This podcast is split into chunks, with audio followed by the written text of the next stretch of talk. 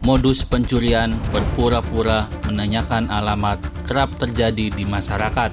Pelaku mengincar target secara matang, bahkan menguasai wilayah yang menjadi sasarannya.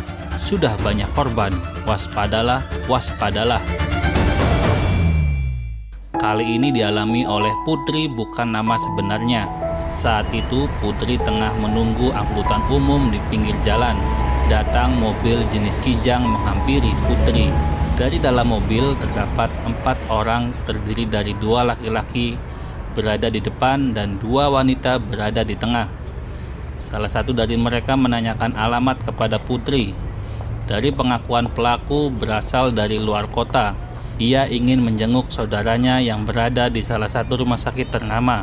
Putri langsung menunjukkan alamat yang dituju. Namun pelaku meminta Putri mengantarkan ke rumah sakit tersebut dengan alasan tidak hafal jalan.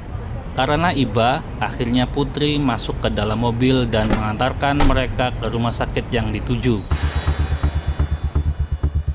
Di dalam mobil, Putri dicekoki obrolan yang cukup membuat hati Putri terenyuh.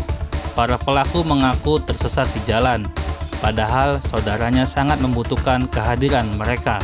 Alam bawah sadar Putri mulai dimainkan, para pelaku langsung menggasak tas yang berisi handphone dan uang tunai sebesar 1 juta rupiah untuk membayar cicilan rumah.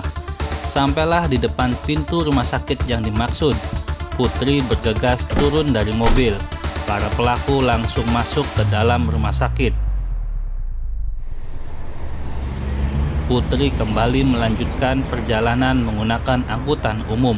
Setibanya di bank, Putri sok, handphone dan uangnya sudah hilang. Tersisa uang di saku celana untuk membayar angkutan umum. Putri baru sadar, ternyata mereka yang berada di dalam mobil telah menggasak isi tasnya. Security bank langsung menghampiri Putri. Putri langsung menyampaikan kejadian yang telah menimpanya.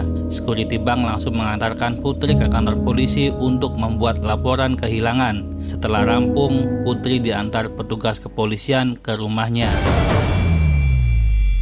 Buat para pendengar, lebih berhati-hati terhadap modus pencurian berpura-pura menanyakan alamat.